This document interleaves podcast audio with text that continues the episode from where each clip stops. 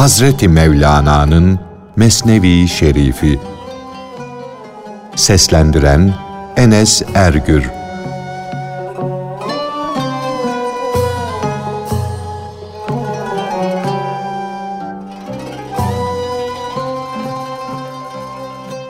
Firavun sihirbazlarının elleriyle ayaklarının kesilmesine aldırış etmemelerinin sebebi.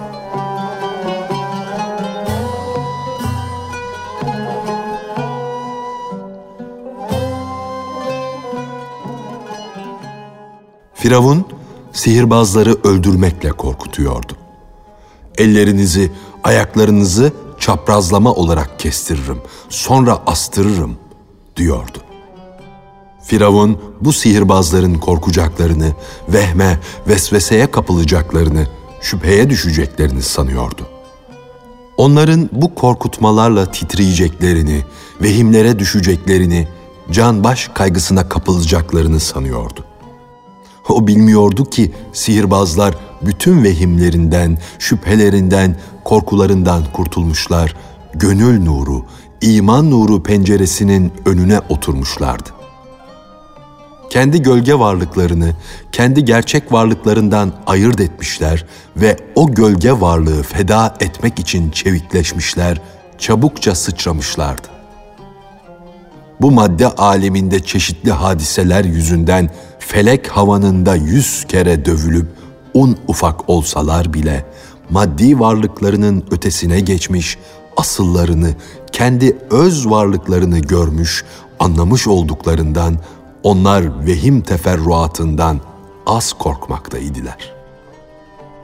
Aslında bu dünya bir rüya gibidir. Ey hak yolcusu!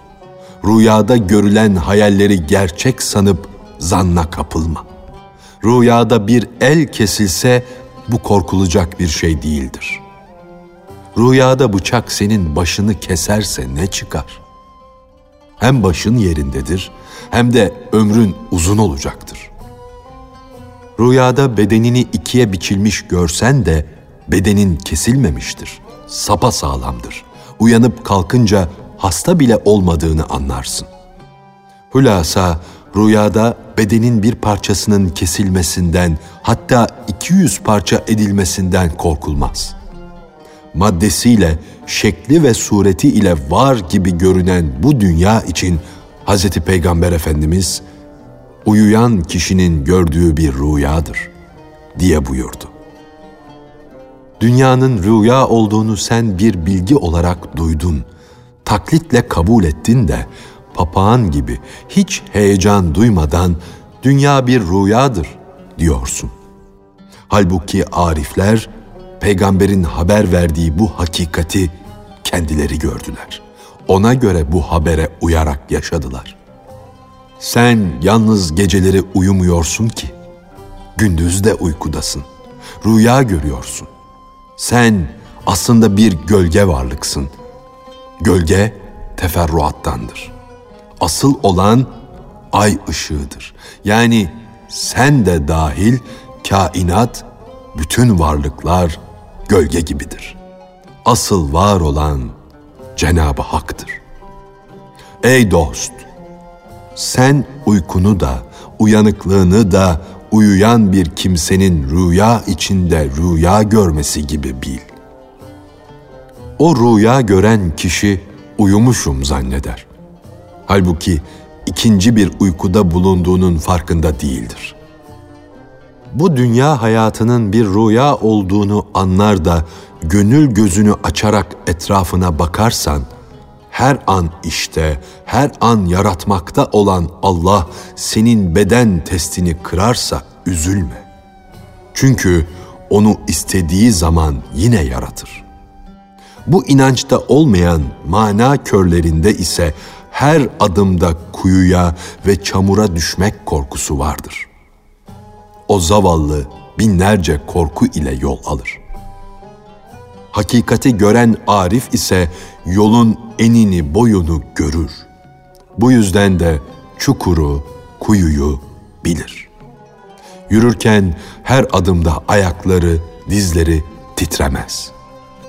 O her gam ve endişe ile yüzünü ekşitmez. İman nuru ile gözleri aydınlanan sihirbazlar dediler ki, Ey Firavun!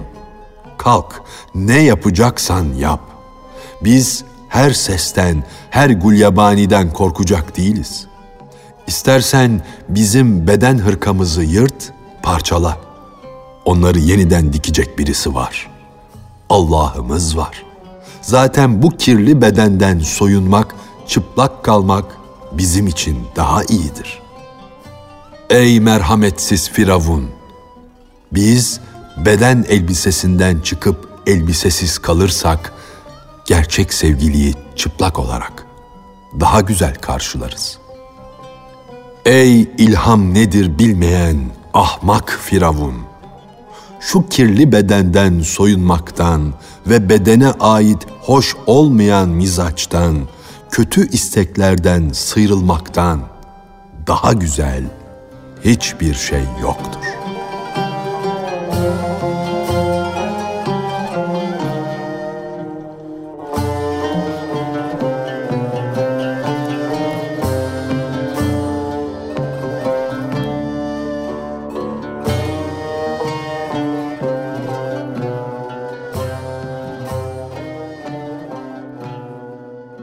Katırın ben yürürken çoğu zaman yüzü koyun düşüyorum. Sen ise pek az düşüyorsun diye deveye şikayette bulunması.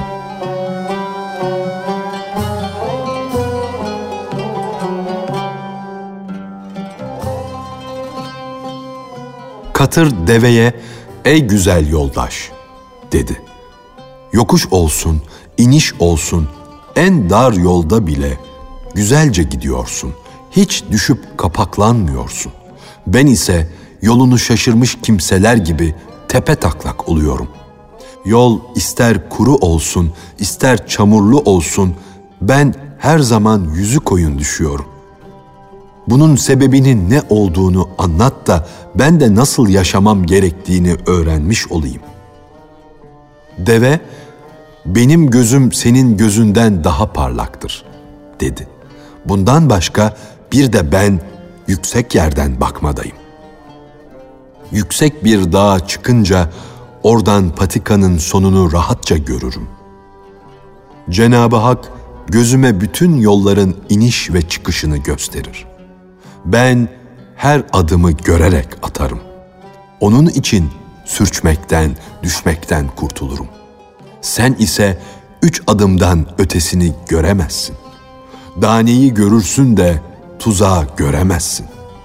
Bir yere konmakta, oturmakta, inmekte, yürümekte kör bir adamla gören bir adam bir olur mu?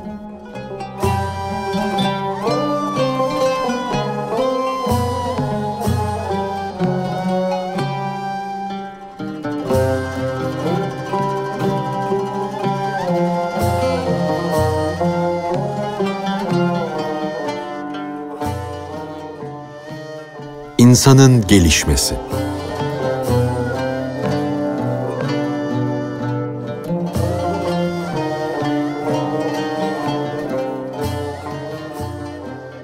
Cenab-ı Hak ana karnındaki çocuğa can verince ona mizacına göre körpe bedenini besleyecek, kuvvetlendirecek cüzleri, gıdaları çekip alma gücünü de ona verir. Minicik o küçük yavru bedeninin nelere ihtiyacı varsa, nelerle beslenecekse onların cüzlerini ananın karnından çeker alır da bedeninin nescini, yapısını onlarla dokur. Allah 40 yaşına kadar insana kendini besleyecek gıda cüzlerini çekme hırsını, iştihasını verir. İnsan da böylece gelişir durur. Ana karnında iken pek minicik olan çocuğun ruhuna cüzleri çekmeyi öğreten o tek padişah yani Allah nasıl olur da cesedin dağılmış cüzlerini çekip bir araya getirmeyi, onu yeniden yaratmayı bilmez. Bu zerreleri bir araya toplayan, sana hayat kabiliyeti veren ilahi güneşti. O gıdasız olarak da senin varlığının cüzlerini, zerrelerini toplayıp bir araya getirir. Sen uykudan uyanınca Cenab-ı Hak uyku sebebi ile gitmiş olan aklı, fikri, duyguyu hemen çağırır, sana geri verir. Buna kıyas ederek bil ki sen öldüğün zaman da onlar kaybolmaz. Allah geri gelin diye buyurunca hemen gelirler.''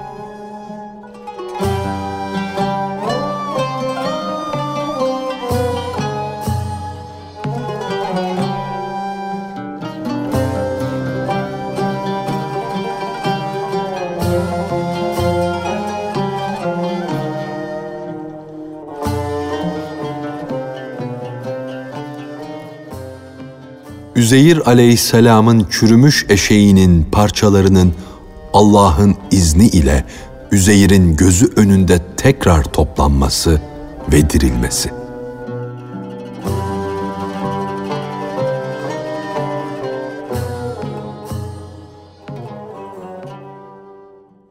Ey Üzeyir! Eşeğine bak. Dikkat et ki çürümüş ve etleri dökülmüş.'' onun dağılmış olan cüzlerini, başını, kuyruğunu, iki kulağını, ayaklarını senin gözün önünde bir araya getirecek, birleştireceğiz. Görünürde el yok. Fakat ölmüş eşeğin cüzleri bir araya geliyor. Birbiri ile birleşiyor.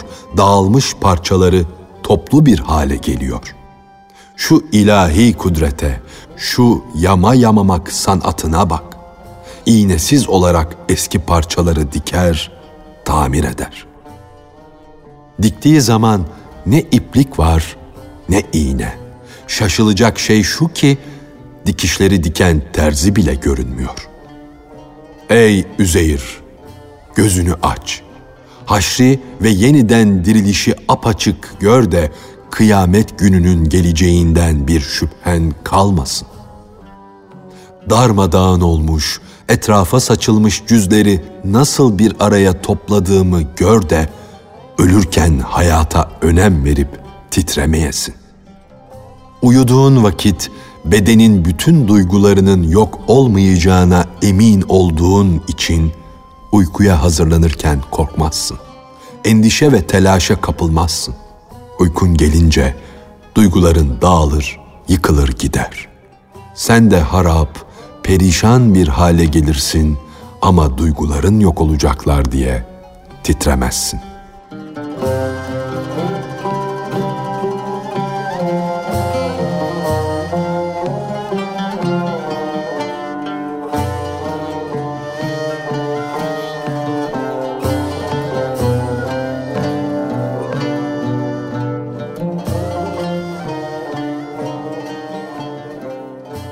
bir şeyhin oğullarının ölümüne ağlamaması.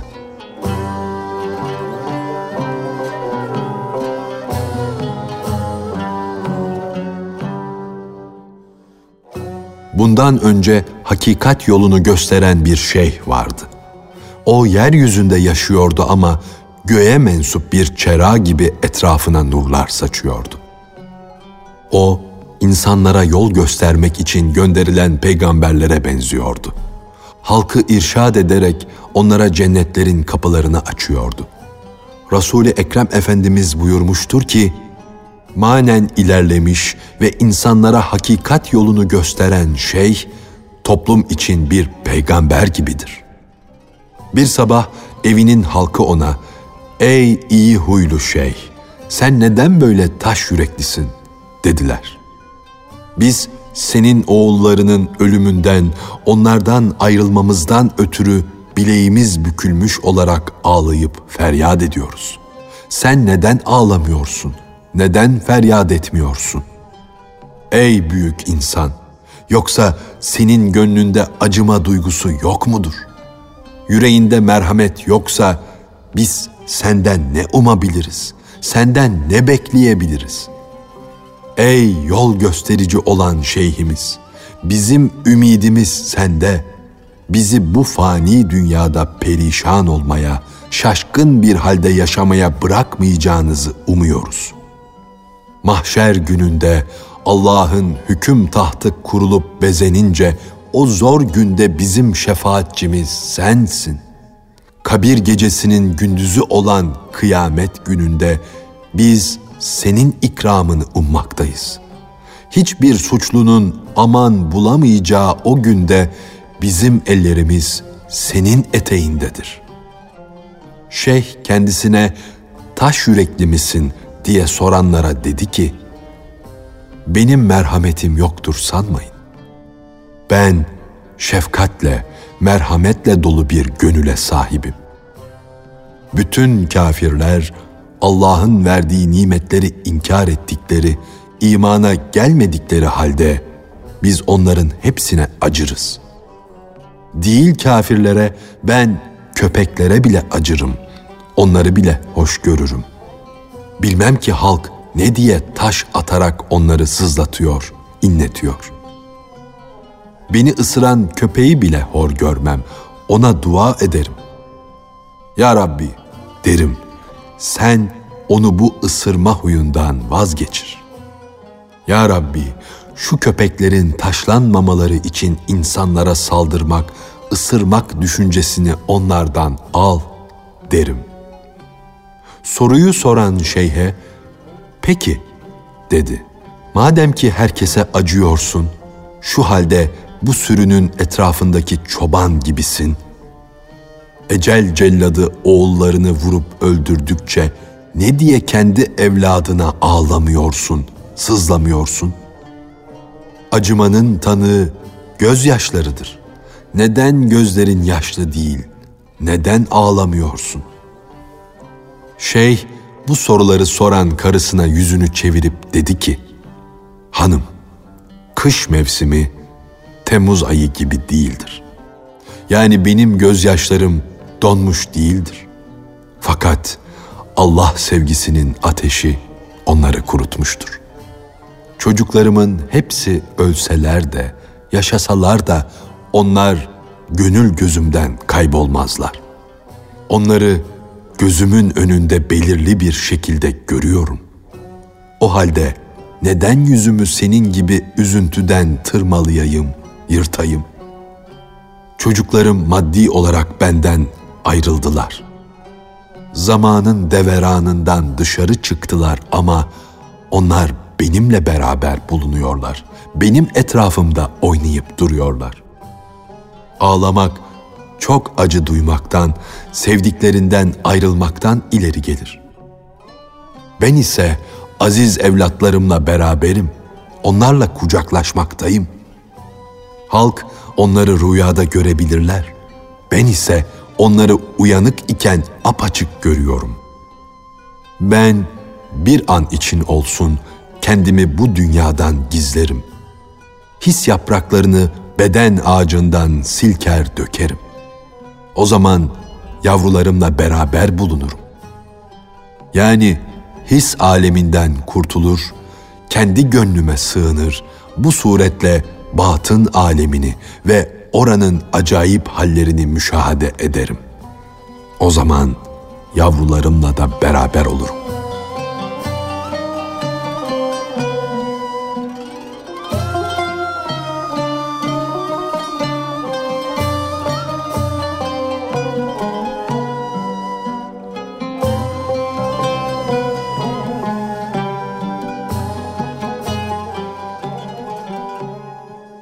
bedene ait duygular, nefsani düşünceler ruhumuzun manevi yüzünü çer çöp gibi kaplamıştır.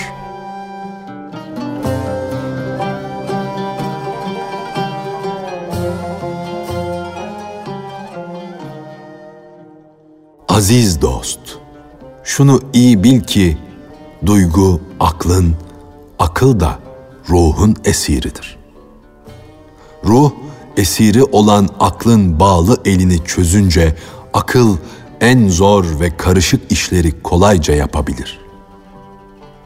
Bedene ait duygular, nefsani düşünceler, berrak, duru bir su gibi olan ruhumuzun yüzünü çerçöp gibi kaplamıştır. Aklın eli o çerçöpü bir yana atarsa o zaman su aklın önünde belirir, meydana çıkar. Derenin yüzündeki çerçöp su kabarcıkları gibidir. Onlar bir yana gidince su belirir. Allah aklın bağlı olan elini çözüp de o çer çöpü temizletmezse, nefsani isteklerimizin, aşağı duygularımızın çöpleri çoğalır da, ruhumuzun tertemiz ve saf olan mana suyu gür ve temiz olur. Nefsani isteklerin çöpleri her an suyun yüzünü kaplar. O zaman heva ve heves, nefse emmare, gülmeye, akıl da ağlamaya başlar. Takva yani Allah'ın emirlerine karşı gelmekten çekinip kaçınma, hevanın, nefse emmarenin iki eli bağlanınca Hak Teala aklın iki elini çözer. O zaman akıl seni idare etmeye başlar, senin kumandanın olur. Önce sana hakim olan duygular senin mahkumun olur, senin buyruğun altına girer. Gayb aleminin sırları candan baş göstersin diye uykusu gelmeyen duyguları uykuya yatırırlar. Aklı hakim ve hisleri mahkum olan kişi uyanık iken de rüya görür, bazı müşahadelerde bulunur. Kendisine göklerin kapıları açılır.''